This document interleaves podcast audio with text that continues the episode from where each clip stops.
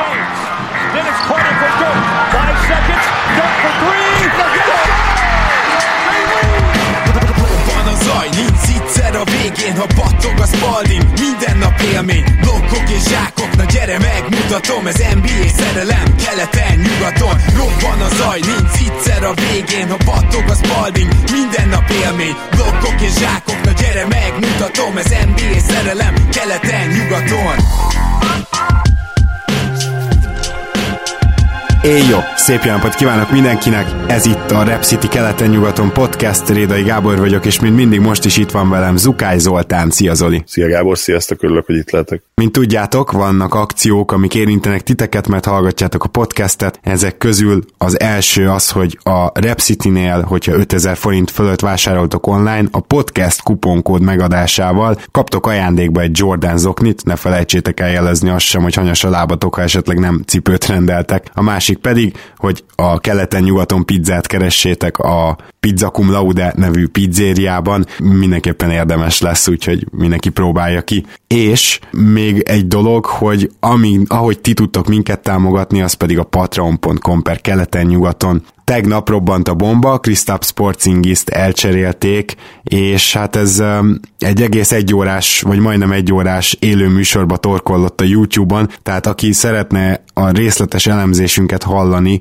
az mindenképpen a YouTube csatornánkra menjen fel, már valami 1300-an megtettétek, úgyhogy azért terjedt az ige, és ott gyakorlatilag ezt kielemezzük. Az igaz, hogy ugye annak az adásnak a vége felé hangzik el először, hogy a Nix nem is járt ezzel olyan rosszul, hiszen akkor tudtuk meg, hogy két first round pick is érkezik Dallasból. Azóta nagyjából, azt hiszem még mindig nem teljesen, de nagyjából tudjuk a védettségeket is, hiszen a 2021-es az unprotected, a 2023-as az pedig top 10, és hogy abból majd később mi lesz, arra nekem most még ebben a pillanatban nincs információm, de ettől függetlenül most, hogyha valaki lemaradt volna a YouTube-ról, röviden Zoli is, én is egy két-két percben értékeljük ezt a cserét, ezzel kezdjük ezt a mai műsort, úgyhogy Zoli, kérlek, próbáld meg összefoglalni, hogy mik az érzéseid ezzel kapcsolatban.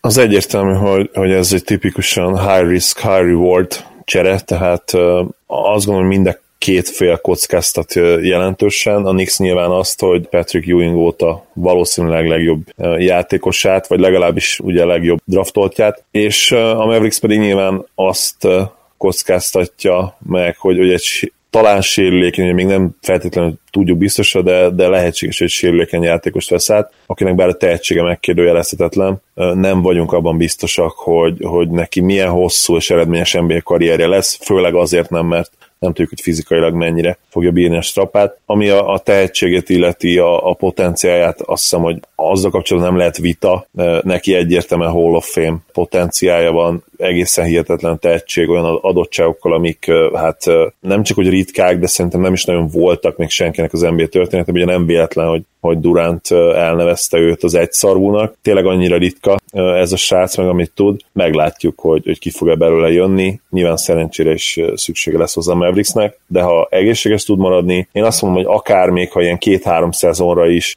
vagy, vagy nagyjából innen egészséges karrierje lesz, mondjuk egy-két olyan szezontól eltekintve, amikor esetleg nem, még akkor is megérheti simán a Mavericksnek. A pikekkel kapcsolatban egyébként van még némi zavar, én olyat is olvastam, hogy mind a kettő top 10-es védettségű, aztán ezt száfolták, utána megerősítették, úgyhogy még szerintem ott lehetnek kavarodások. Az biztos, hogy, hogy az eredeti hírekkel ellentétben, amikor még nem tudtunk a pikkekről, most már azt nem lehet kijelenteni, hogy, hogy Doni hát tulajdonképpen lerabolta, kirabolta a Nix-t. Ez, ez semmiképp nem igaz, azért mi is adtunk értéket. Dennis egy, egy egészen kivételes tehetség szintén, nem, nem olyan magas plafonnal, mint, mint ami képinek van, de all talán belőle is lehet, és én egyébként nagyon fogok neki szurkolni, mert egy, egy végtelen szimpatikus gyerek, vagány srác, aki talán már most sztárként látja magát. Ezt lehet, hogy egyesek úgy fogják fel, hogy, hogy ez egy nem szimpatikus tulajdonság, de én úgy vagyok vele, hogy, hogy még akkor is, hogyha nem igaz, egy, egy ilyen játékosnak, mint ő, el kell ezt hinnie, és, és akkor lehet belőle valóság később. Így van, csak hogy elhangozzon itt is, ugye Dennis Smith Jr. mellett Wes Matthews és DeAndre Jordan lejárója ment New Yorkba, ezek valószínűleg két kivásárolt szerződés lesz ráadásul, és ugye a Dallas az pedig átvette Courtney Lee még 2020-ig tartó szerződését, és ami ennél is erősebb, hogy ugye Hardaway Jr. 2020-ig tartó szerződését. Zoli, itt mindent elmondtál, úgyhogy az egyéb dolgokra térnék rá, például arra, hogy a Dallas jövőre nem biztos, hogy egy jó csapat lesz ettől, lesz két nagy tehetség, igazából nem is több, mint tehetség, Doncsics rögtön az első évében több, és Kristaps Porzingis pedig, hogyha vissza tud térni valamennyire a tavalyi formájához, akkor azért elmondhatjuk, hogy kettejük köré komoly csapatot lehet építeni, de hogyha Harrison Barnes, ahogy várjuk, és ahogy Dwight Powell, ahogy várjuk, belép a szerződésébe, akkor azért olyan mennyiségű cap space semmiképpen nem lesz, hogy itt komoly erősítés jöhessen a nyáron, ráadásul ugye Trey Burke nyilván irányító lesz szerintem, tehát egyértelmű, hogy Branson fog kezdeni Dallasban, de Hardaway Jr. egészen szörnyű fit mindkettejük mellé, tehát azt mindenképpen leszögezném, hogyha Kristaps Porzingis a hírek szerint ugye fontolgatja, hogy a qualifying offer az egyéves qualifying offer írja alá, és nem hosszabbít egyből. Hogyha ez megtörténik, akkor a Dallasnak az tényleg nagy kockázat, mert én, én nem érzem azt, hogy jövőre olyan kifejezetten jó lehetne ez a csapat, és hogyha ez tényleg így van, akkor viszont ezt a kockázatot mindenképpen vállalta a Dallas, és egy picit a jövőjét is kockára tette, de Doncsics miatt azért akkora kockázat még sincs benne. New Yorki oldalról pedig teljesen kitakarítottak, 76 millió lesz nagyjából a cap space, attól függően persze, hogy hanyadik helyen húznak, hiszen most már azért a rookie szerződések is eléggé nagyok, és négy Duncannek a megfogalmazása nagyon érdekes volt, pont ma reggel hallgattam, hogy ugye magát Tim Hardaway Jr.-t, tehát azt a szerződést elpostázni, az már legalább egy first round picket ér, tehát így gyakorlatilag a Dallas az azzal, hogy ezt átvette, nem is kettő, hanem három, de hogyha a Courtney Lee szerződését is ide veszik, lehet, hogy négy first round picknyi értéket adott ezzel gyakorlatilag, hogy átvette ezeket a szerződéseket, tehát azért tényleg a Dallasnak oda kellett rakni ezt az offert ahhoz, hogy, hogy Kristaps Porzingis megszerezzék, viszont Porzingis oldaláról meg és az ügynöke oldaláról meg sokkal kevésbé érteném, hogy tényleg qualifying offert írjanak alá, már csak azért is, és ez nagyon fontos, hogy Kristaps Porzingis ebben az évben nem játszott eleget ahhoz, hogy a qualifying offerje az eredeti 7,6 milliónyi legyen. Most már biztos, hogy ez az egyéves szerződés csak 4, valahány millió lesz, mert nemes egyszerűséggel a szezonnak több mint a felét kihagyta, és van egy ilyen szabály. Ez az egyéves lehetőség, ugye az újonc szerződés lejára, lejárata után, ez attól is függ, hogy, hogy hány millió, hogy bizonyos dolgokat teljesítenek a játékosok, például, hogy kezdenek el legalább az előző szezon felében, és mivel Porzingis nem is játszott az előző fe- szezon felében, ezért ezt a kritériumot nem teljesíti. Szóval én azért nagyon szkeptikusan nézem azt, hogy, hogy ilyen nyilatkozatok, meg,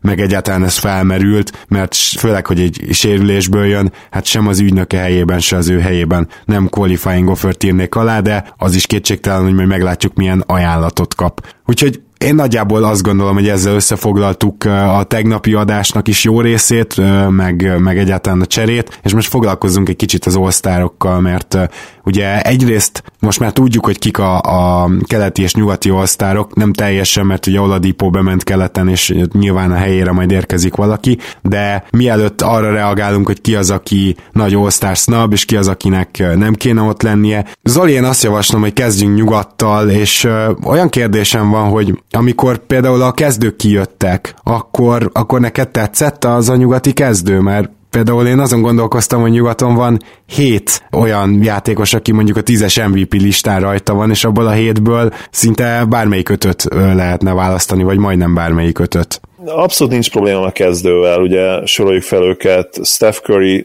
guard pozícióban egyértelműen őt választottam volna, James Harden a másik hátvét pozícióban egyértelműen őt választottam volna, itt, itt tényleg szerintem nem is lehet kérdés. Hogyha olyan narratívája lenne idén a Warriorsnak, akkor Steph az MVP címért is harcban lehetne, illetve hogyha nyilván nem, hagy, nem hagyja ki ezt a, nem tudom, 10 10 meccset, talán vagy 12 meccset. LeBron idén is zseniális, ugye most volt egy kisebb kihagyása, zseniálisan tért vissza belőle. Az ő kiválasztásával szerintem nem lehet baj, és, és valószínűleg ez még jó pár évig így marad. Nyilván azt is ilyenkor figyelembe kell venni szerintem, hogy, hogy a nézők is, is őt választották ki ugye a legtöbb szavazattal, automatikusan ugye ilyenkor benne van a kezdőbe ez a játékos, és, és azt gondolom, hogy ez, ez teljes joggal történik így. Kédin, hát talán rajta egy picit lehetett már vitatkozni, de azért ő is zseniális szezont fut, mint szinte mindig, és Paul George-nak nagyon örülök, mert ő szerintem MVP jelölt is idén, és, és egészen hihetetlenül játszik a pálya mindkét oldalán, úgyhogy a kezdővel nekem abszolút semmi bajom. Nyilván még Jokicsot be lehetett volna tenni mondjuk Durant helyett, az egyik forward pozícióba, az szerintem egy, egy elég jó döntés lett volna, de, de hát nyilván neki, neki nem volt olyan közönség szavazata, ugye. Főleg szerintem azért, mert Denverben játszik, hogyha mondjuk New Yorkban játszana, vagy, vagy akár nálunk tényleg a Dallasban, mint ahogy láttuk idén, ugye Luka a közönség szavazatainak a számában, nyilván más faktorok is vannak ebben, de azért ez is, ez is belejátszik, akkor, akkor jó eséllyel szerintem kezdő lett volna idén és akkor a, ugye a tartalékok. Még, még annyit erről, hogy én, én nem csak Jokicsot, hanem Anthony Davis-t is teljesen ugyanezzel a, a párhuzammal illetném, tehát akár Davis, akár Jokic is bekerülhetett volna, így akár van. Paul George, akár Durant helyére, de, de ez, a, ez a hét, ez, ez így kiemelkedik. Így van, abszolút egyetértek veled. És ugye akkor a cserék. Westbrook, hát nem tudom, nem lehet azt mondani, nem érdemli meg nyilván, tehát idén is tripla duplát átlagol, és a Thunder egy rendkívül jó csapat, majd, hogy nem már elit csapat, közelítenek szerintem az elit státuszhoz. Ha még, még a támadó játékot egy picit tudnak csiszolni, hát ugye nehéz a jelenlegi emberanyaggal, nem nagyon vannak olyan periméter shotmakereik, akik e, tudnának segíteni, főleg Westbrookon, mert e, így azért szerintem neki még mindig, főleg ami a floor spacing-et, triplezest illeti, túl nagy terrek vannak a vállain, meg persze ő is hát nyilván erre rátesz azzal, hogy nem a legjobb dobás kiválasztást mutatja be meccsről meccsre. Anthony Davis ugye nem lehet vitatkozni rajta, Jokicson nem lehet vitatkozni, gyakorlatilag mind a ketten top 5-ös MVP jelöltek idén, én azt gondolom. Lilárdon is nagyon nehéz vitatkozni, ugye megint csak űrstatokat hoz, szokás szerint az utóbbi egy-két évben már ez, ez így van, és hát a Portland megint jobb, mint ahogy vártuk, úgyhogy abszolút rendben van. Clay, hát Clay kiválasztáson lehet talán vitatkozni, ugye ő kifejezetten gyengén kezdte a szezont, és bár az utóbbi időben azért erősen pozitívba fordult ez, és gyakorlatilag a legjobb klét látjuk megint a pályán már egy ideje. Azért összességében azt gondolom, hogy, hogy vele párhuzamba lehet állítani Gobertet mindenképpen, és, és azt gondolom, hogy akkor Rudi kerül neki győztesen, nyilván most pozíciókat felejtsük el, és teljesítményre fókuszáljunk, és talán még Lukát is, bár nyilván, hogyha megnézed azért a statokat, Clay azért nyilván több pontot átlagol jobb hatékonysággal, de azt se felejtsük el, hogy melyik csapatban és kikkel játszva teszi ezt meg. És, és aki talán a leginkább kérdőjeles pick, az, az nyilván Cat, aki egyébként szintén egy elképesztő tehetség, ezt mindig elmondjuk, és, és tényleg jól védekezik mostanában, viszont hát talán, talán vele szemben lehetne érvelni Lukánál is, és Gobernél pedig teljesen egyértelműen, tehát a Jazz most már azért lényegesen jobb csapat, mint a Mini, és Rudy élete szezonját futja, úgyhogy neki mindenképpen kellett volna helyet találni a tartalékok között, én azt gondolom. És így Marcus Aldridge is bekerült, róla se feledkezzünk meg. Így a bocsánat, igen, őt kihagytam. Pontosan, jó, hogy említetted, mert hát mellette nyilván a csapat érv szól, tehát a Spursből, ebből az idei Spursből, amelyik az egyik legnagyobb meglepetése szerintem a ligának, bár biztos sokan érvehetnének, hogy dehogy meglepetés, csak, csak én vagy mi voltunk a hülyék, mert ugye a tavalyi szezon után, ahol azt hiszem egy mérkőzésre voltak attól, hogy megszakadjon a 20, majdnem 20 éves sorozat, hát idén most nem egy mérkőzésre lesznek tőle, hanem hát az ellenkező irányban nagyon pozitív és nagyon messze, hiszen most már lassan plusz 10 győzelemre állnak ugye a vereség számok felett. Ettől függetlenül azért a Spurs egyetemen csapat, csapatként éri el a sikereit, ugye a padjuk az bitangerős, és Pop nyilván megszervezte ezt az idei társaságot, hogy egy olyan, olyan kohézióval is olyan olyan csapatmunkával, csapatvédekezésre felálló társaság legyen, amelyik hát az alapszakaszban különösen sikeres tud lenni, nem leírva őket természetesen a, a rájátszásra sem előre. És ha ebből indulsz ki, hogy, hogy a Spurs azért az inkább csapat idén, és, és tényleg nem az egyénekre épül, akkor érvehetni amellett, hogy, hogy Aldrich helyett lehetett volna esetleg egy kicsit színesebb, egy kicsit izgalmasabb játékos beválasztani, és hát itt nem véletlenül fogalmazok így, mert hát én nyilván szívesen láttam volna Lukát helyette. Hát, én nem, nem teljesen mentén mennék, tehát hogy alapból nálam a Carl Anthony Townsnál is sokkal kérdésesebb Clay Thompson, tehát nagyon messze van ő idén attól, hogy all legyen, főleg úgy, hogy a Warriorsban ketten ott vannak. Egyszerűen, egyszerűen, ha csak például ezt megnézem, hogy Carl Anthony Towns micsoda statisztikákat hoz, és a Warriorsból az a harmadik ember, akit beválasztunk, a Carl Anthony Towns százszor előbb választanám be, és fel is sorolnám még, hogy ki az, akit bőven előbb választanék be idén, mint Clay Thompson-t. Előbb választanám be Drew Holiday-t, előbb választanám be Dobb felegyérmét, Tobias Harris-t, vagy Danilo Gallinárit, de már de Rozant is lehet, hogy előbb választanám be, az olyan későjelen táncol, és én komolyan elgondolkoztam Yusuf Nurkicson is, és Diaron Foxon vagy Buddy Hilden szintén dob felgyermén is. Gyakorlatilag így, hogy a harmadik ember, így ez nyilván egy úgymond negatívan befolyásolja az én értékítéletemet, tehát hogyha ő, ő, ő nem lenne más a Warriorsból, akkor egyértelmű, hogy egy ilyen mérlegű csapatból igen beválasztanék valakit, de, de így nem. Én nálam Clay Thompsonnak semmi keresni valója idén az All-Star gálán. Carl Anthony Towns-t én végül beraktam, tehát a saját listámra befért, és Lamarcus Aldridge is. Na most ez azért nagyon érdekes, mert pontosan az van, amit elmondtál Zoli. A Spursből egyszerűen valakit be kellett raknom, de tényleg az van, hogy, hogy Rudy Gobert meg, meg egyszerűen kihagyhatatlan. Tehát nem, nem lehet megmagyarázni azt, hogy Gobert idén kihagyodni, és nem is csak azért, mert megint elképesztő védekező impactot hoz. Beszéltünk róla, hogy az első hónapban ez nem annyira működött, de hát azóta megint a liga legjobbja gyakorlatilag, hanem most már támadásban is jelentősen jobb a jazz vele a pályán. Támadásban idén előre lépett, és egyszerűen semmi nem magyarázza meg, hogy ő nem all-star. Úgyhogy Úgyhogy én nálam két embernek volt igazán veszélyben a pozíciója, az egyik Westbrook, a másik pedig Clay. Claynek nem csak veszélyben volt, hanem nálam a közelében nem volt, mondom az Asztárnak, és Westbrookot végül én ö, bent hagytam, tehát hogy ennyiben tényleg majdnem teljesen megegyezik a, az én választásom is azzal, ami végül lett, de Westbrooknál tényleg komolyan elgondolkoztam, hogy igazából azon ö, megy most itt a diffi, hogy, hogy akkor tulajdonképpen a Clippers éppen hol áll, mert hogy azért lehet, hogy a Clippersből igenis megérdemelte volna akár Gallo, akár Tobias Harris, és lehet, hogy az OKC így nem érdemelne kettő embert, viszont, viszont ránéztem azért arra is, hogy van-e statisztikai alapom azt mondani, hogy nem ütik ki egymást Galinári és Tobias Harris. El tudnám-e dönteni, hogy valamelyiket inkább beraknám, és nem tudtam, és ezért maradt nálam Westbrook. Teljesen elfogadom azt az érveléset, hogy a Warriorsból ne legyenek idén hárman. Ha másért nem, akkor azért, mert nem annyira dominánsak, mint, mint némelyik korábbi évben, és hát valóban azért nyilván ebbe az is benne van, hogy, hogy picit unalmas az, hogy Clay minden évben ott van. Most már ugye előző évben is azt hiszem ott volt, meg azelőtt is, mint harmadik számú opció. Még akkor is, hogyha nyilván egyébként a liga legjobb harmadik számú opció, de hát, de hát miért a liga legjobb harmadik számú opció? Mert kettő ilyen kaliberű játékos van előtte, és hát tulajdonképpen a, azt a folyamatos luxust kell, hogy, kell, hogy értékeljük, ami a Warriors jellemzi, a Habzsi Dőzsit, meg a Kánánt, de hát ugye ez, ez idénre még durvább lett így Cousins visszatérésével. Hát csak a, a számok is, tehát hogy tudok jobb szezon mondani bőven Claynél, ha nem a sztárok között, tehát hogy érted, tehát Devin Booker is hasonló számokat hoz, mint Clay, csak sokkal rosszabb csapat volt, tehát nem, nem, nem érdemli meg Clay szerintem amúgy. Há, annyi, annyiféle kritérium lehet tényleg, amit így, amit így felhozhatsz osztályválasztása. Nyilván az egyik legnépszerűbb az, hogy azért játszan az illető jó csapatban,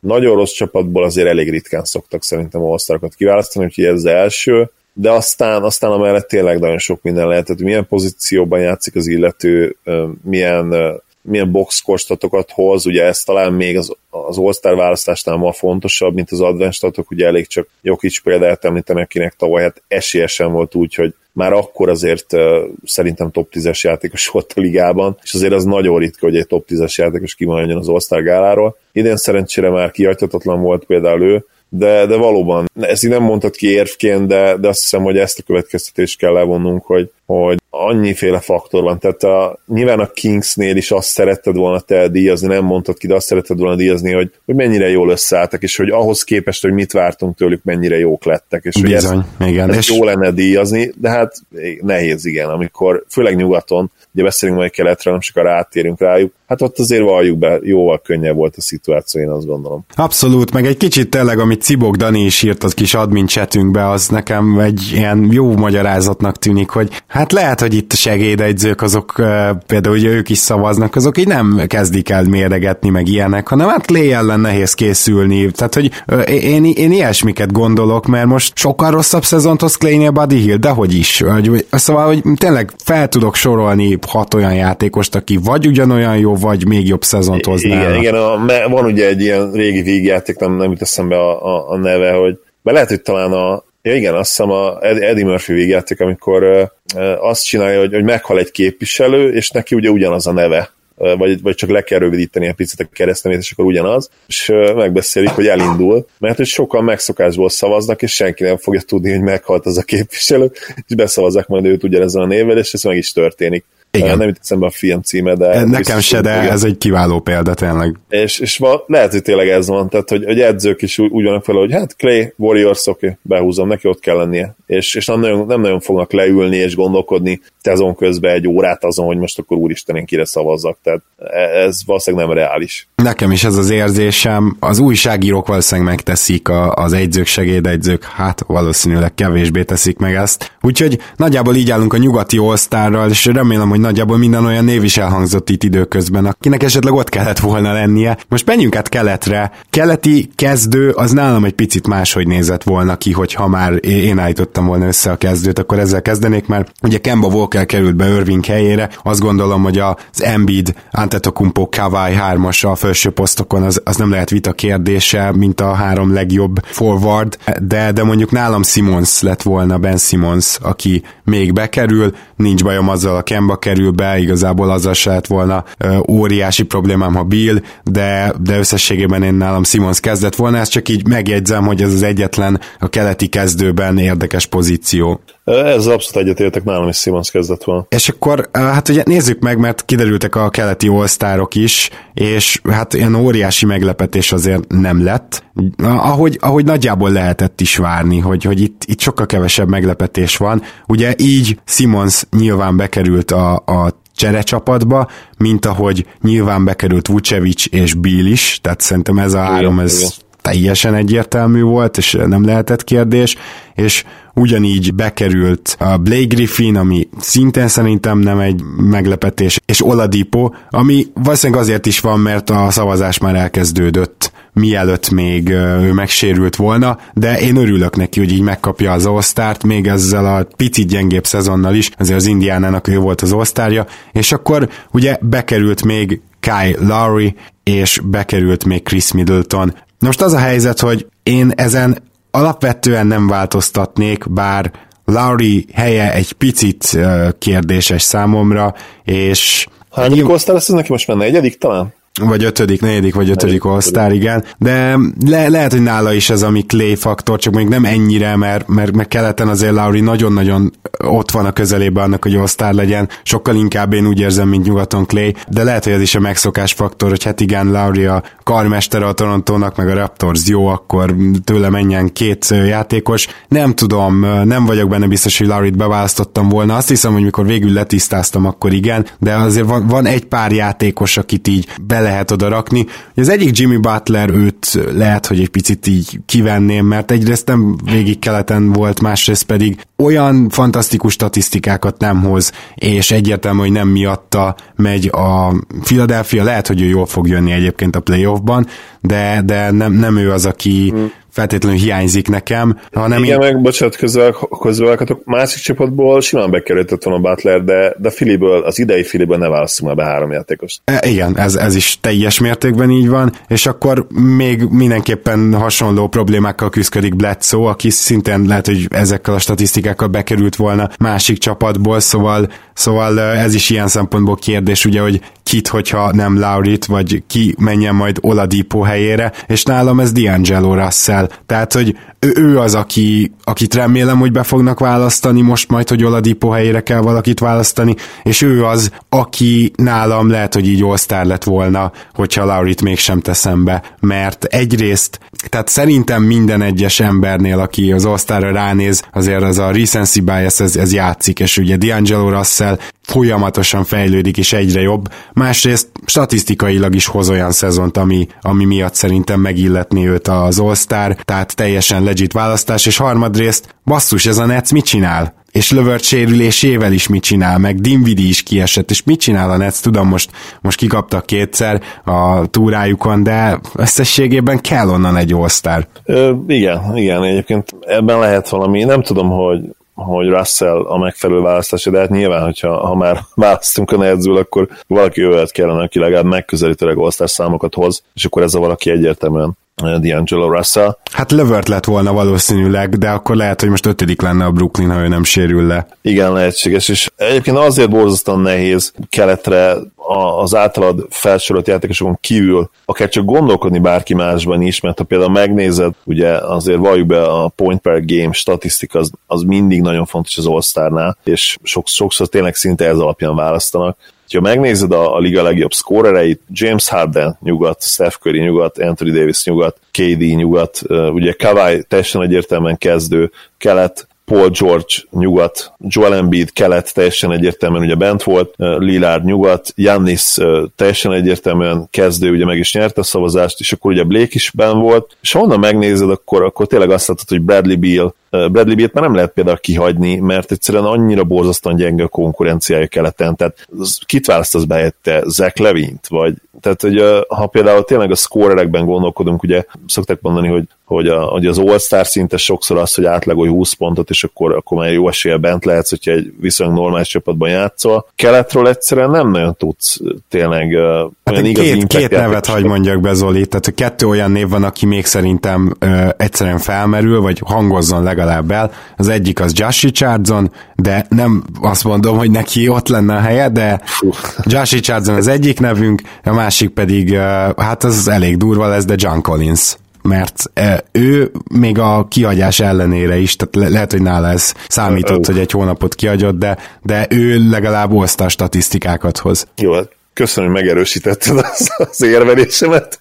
Igazából tényleg ennyit tudok hozzáfűzni. Tehát ez ja, ez is volt a célom, nem? Tehát ez igen, nem, tudom, persze, csak mondom, azért vicces tényleg, de nem, igen, nem, nem akartam konfrontálódni vele, hanem pontosan emiatt rögök tényleg, hogy, hogy ennyire egyértelmű, hogy ezt a két nevet kellett felsorolnunk. Röhely. Az is durva, hogy mondhatjuk azt, hogy ha a Spurs-től legyen benn valaki, akkor a Miami-tól is, csak azért ég és föl. Tehát, hogy a Spursben van két olyan játékos, aki a Miami-nak a legjobb játékosa lenne idén, már csak azzal a teljesítménnyel. Tehát nem összehasonlítható egyszerűen a történet. Igen, és itt most tényleg nem akarok századjára is belemenni a, a két konferencia közötti különbséggel kapcsolatos eszmefuttatásokba, de hát ez a helyzet basszus, hatalmas különbség van, és mondom ezt úgy, úgy hogy tényleg azért top-end talent terén nem rossz kelet, és, és tényleg azért fejnehéz idén, legalább végre van három-négy olyan csapat, amelyik tényleg jó csapat, és hát a Celtics például azt hiszem az egész ligában harmadik net ratingbe, és minden, minden nap gyakorlatilag szídjuk őket, és nem értjük, hogy miért ilyen rosszak. Úgyhogy van, van ott talent, csak, csak van egy hatalmas szakadék is utánunk, és ez, ez a legnagyobb probléma. És azért egy picit így idegesítő, hogy, hogy nyugatról azért tudjuk, hogy milyen neveknek kell kimaradniuk. Kánlit meg sem említettük nyugaton, basszus. Tényleg. Igen, tehát meg sem említünk egy Kánlit pontosan, aki hát szerencsétlen egész pályafutása alatt most már úgy néz ki, hogy nem lesz szósztár, ha csak nem tud egy, egy egészséges szezont lehozni jövőre egy, egy lényegesen jobb csapatba, de hát ugye az az kell majd, hogy átcseréljék, ami, ami hát azért megint nyilván felmerül majd most a cserehatáridő előtt. Szóval nehézkes, igen, összehasonlítani a két konferenciát, nyilván óhatatlanul meg kell tennünk, ettől függetlenül azért remélem, hogy ez javulni fog a jövőben, és nyilván az új format legalább azt elősegíti, hogy, hogy izgalmas meccsünk legyen mindenféleképpen. Hát igen, úgyhogy ennek is drukkolunk, annak is, hogy a következő másfél hét vagy egy hét most már lassan csak, szóval legalább annyira őrült legyen, mint amilyen volt a tegnap este. Meg az NBA-ben mi általunk annyira kedvelt ilyen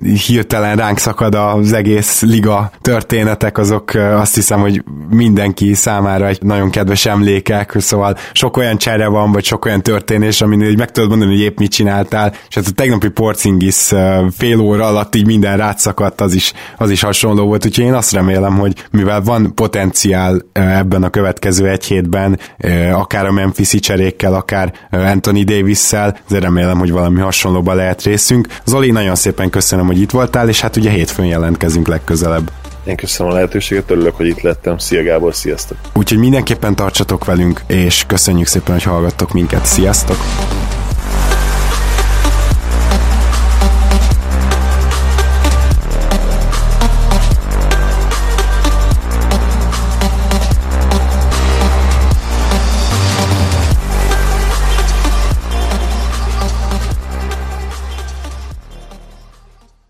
Ha más podcastekre is kíváncsi vagy, hallgassd meg a Béton műsor ajánlóját. El tudod képzelni, hogy a podcastet, amit éppen most hallgattál, fél év múlva már a mesterséges intelligencia generálja? Mi sem. De ha érdekel, eljött már a gépek lázadása. Hallgass bele az Embertelen podcastbe. Orsós Lajos vagyok, a műsor házigazdája. Egyelőre még élőben. Egyelőre. Fedezzük fel együtt, hogyan ismerkedik, randizik, mesél és vitatkozik Betty és Péter, két teljesen mesterséges intelligencia. Lajos, a podcast címét mond még egyszer, Léci. Oké. Okay. Embertelen podcast. Ez a műsor a Béton közösség tagja.